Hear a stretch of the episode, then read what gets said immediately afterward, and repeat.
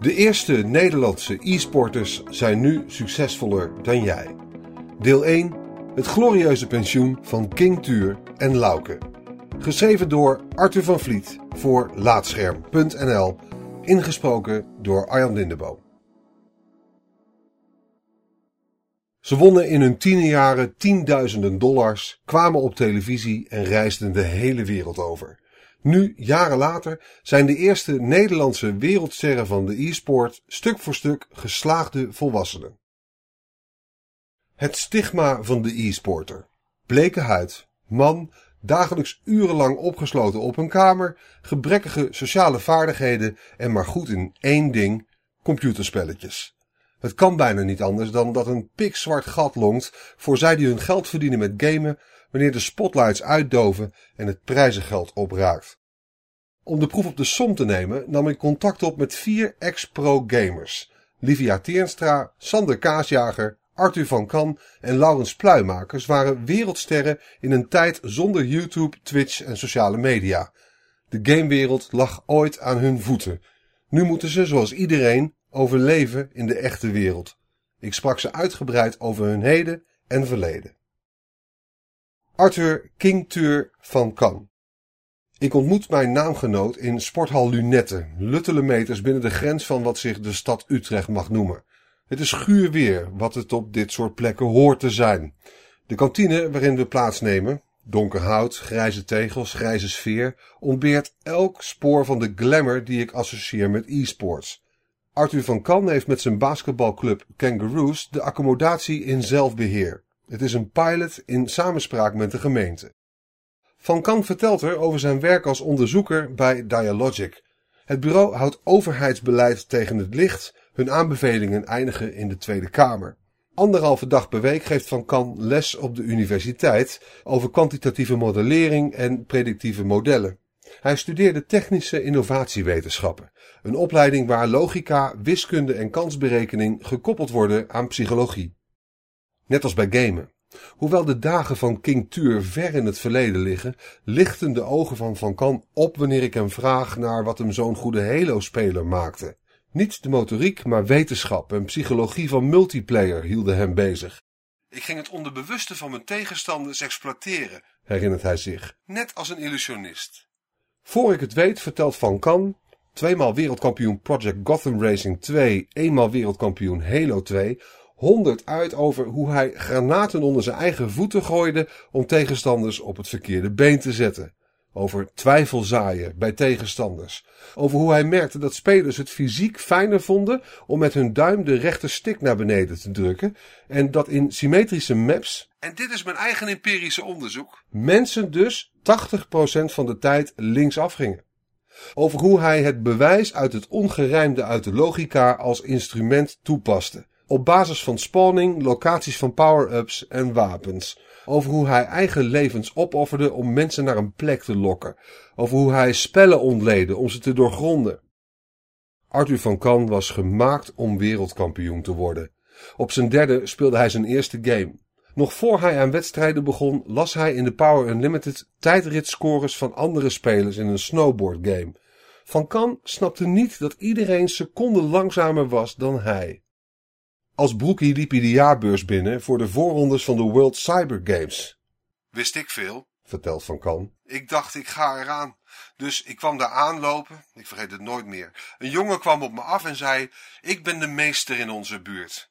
Ik was geïmponeerd, maar moest ook nog eens in de eerste ronde tegen hem. Ik won met 15-0. Zo verliepen die voorrondes voor Halo. Het ging tussen acht man in de finales in Amsterdam. De andere zeven speelden al online via Xbox Connect. Ze kenden elkaar allemaal al. Ze zaten in clans, ze speelden dagelijks internationaal tegen goede gasten. Ik kende dat nog helemaal niet. Zij dachten, wat doet hij hier? Wie is die gast? Van Kan won alles. Als 15-jarige boy mocht Van Kan naar de World Cyber Games 2003 in Seoul. Hij bereikte de halve finale, maar werd daar op het nippertje uitgeschakeld omdat hij niet gewend was aan de NTSC-versie. Die liep sneller dan zijn PAL-game en berekende de damage bij de rocket launcher net op een andere manier. Toen dacht ik, dit gaat me niet nog een keer gebeuren. Dat was het moment dat de echte King Tuur werd geboren. Van Kan begon met een analytische blik naar zijn eigen prestaties te kijken. Waarom doe ik wat ik doe op de manier dat ik het doe? Iedereen is snel op het hoogste niveau, dus moest hij wel slim zijn. Als je tien mensen hebt die even goed zijn, ga je niet meer structureel winnen, vertelt hij. De psychologie erachter, dat is waar ik mezelf kon onderscheiden. En dat deed hij.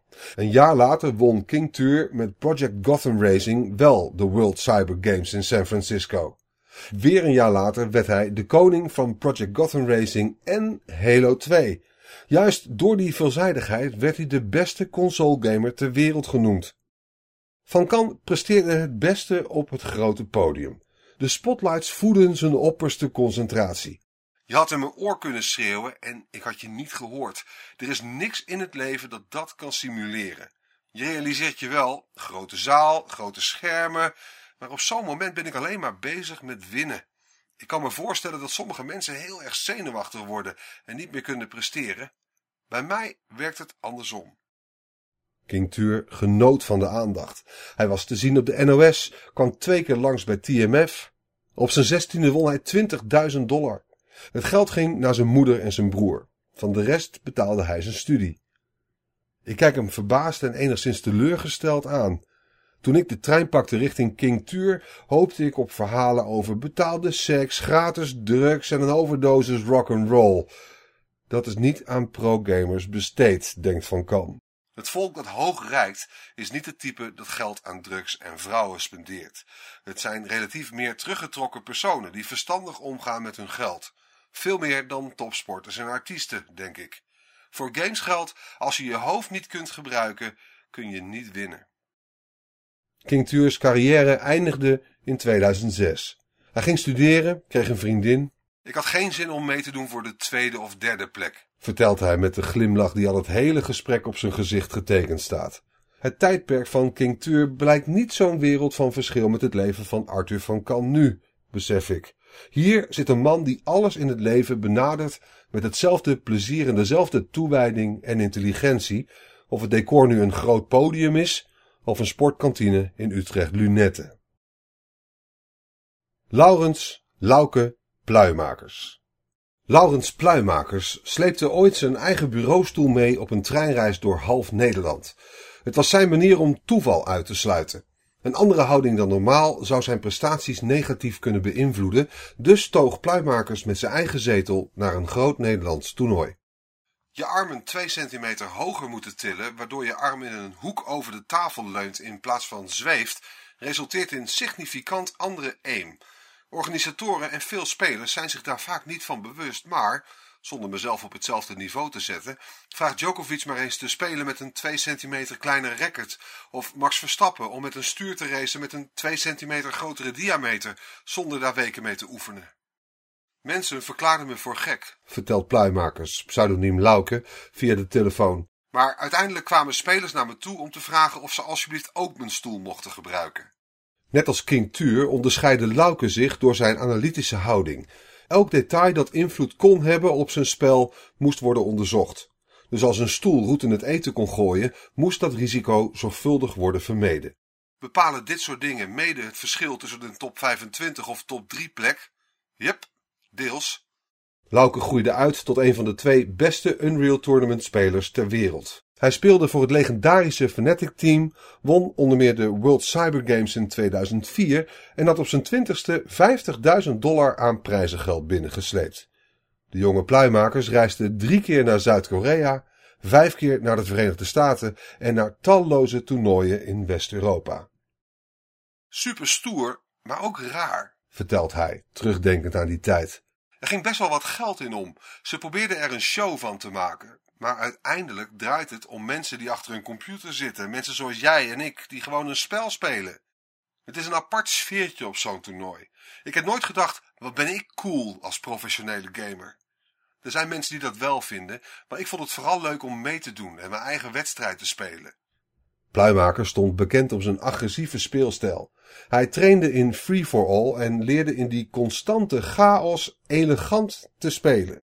Simpelweg door er heel veel tijd in te steken leerde Lauke automatismen en routines aan die zo sterk waren dat de stress geen greep meer op zijn prestaties kreeg. Net als bij King Tuur valt me het enthousiasme op waarmee Pluimakers praat over vroeger. Het werkt aanstekelijk. Hij zet zijn stijl uiteen. In de meeste van mijn potjes gebeurde wel wat. Het was entertainment om naar te kijken. Vertelt dat hij duizenden muismatten uitprobeerde voor hij de juiste vond en herinnert zich de beslissende momenten tijdens wedstrijden op het hoogste niveau.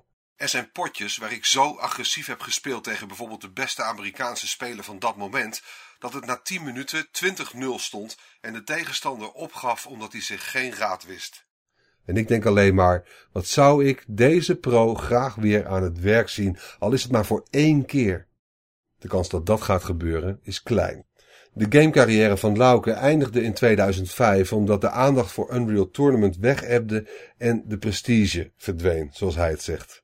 De skills heeft hij ongetwijfeld nog. Bij een eenmalige rentree in 2007 won hij met gemak een nationaal toernooi, maar zijn competitieve aard ligt in de weg. Ieder jaar zijn er twee maanden dat pluimakers weer even gamet, vertelt hij, maar dan vooral strategiegames of singleplayer. De online shooters laat hij voor wat het is. Ik vind het niet leuk om te verliezen, lacht hij. Stel Wolfenstein zou een multiplayer modus hebben, dan zou ik die niet spelen. Omdat ik dan dingen moet leren, wil ik ook echt goed worden. Tegenwoordig is Lauke business analyst bij DaVinci, een internationaal softwarebedrijf dat levert aan grote banken. Tijdens mijn sollicitatiepitch heb ik gaming gebruikt om aan te tonen dat ik competitief en gedreven kan zijn. Dat ik graag presteer en heel goed in iets wil worden. Een van de mensen die mij heeft aangenomen vond zo'n gedreven persoon goed om erbij te hebben. Het gamen trok hem over de streep. Pluimakers is nu op zijn 33ste gelukkiger dan hij was als professioneel gamer. Toch ben ik benieuwd of hij zijn periode als wereldster niet mist. Om mee te doen aan zo'n competitie, te strijden voor medailles, tegen de allerbeste andere spelers op de wereld te spelen? Ja, die kick, doe mij dat gevoel iedere dag maar.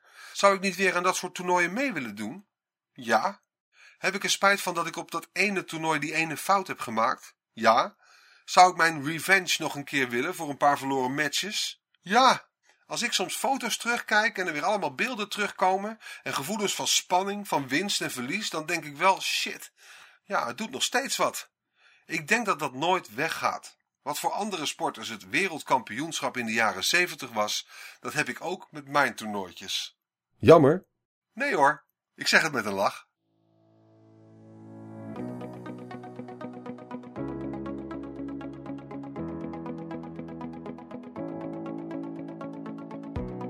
Dankjewel voor het luisteren naar Laatscherm voorgelezen. Als je waardeert wat we hier doen, dan zouden we het leuk vinden als je even een sterrenrating en een recensie achterlaat op Apple Podcasts of de podcastservice van jouw keuze. Abonneer je ook op onze andere podcast, Praatscherm. En ga voor deze en meer verhalen, geschreven of gesproken, naar laatscherm.nl.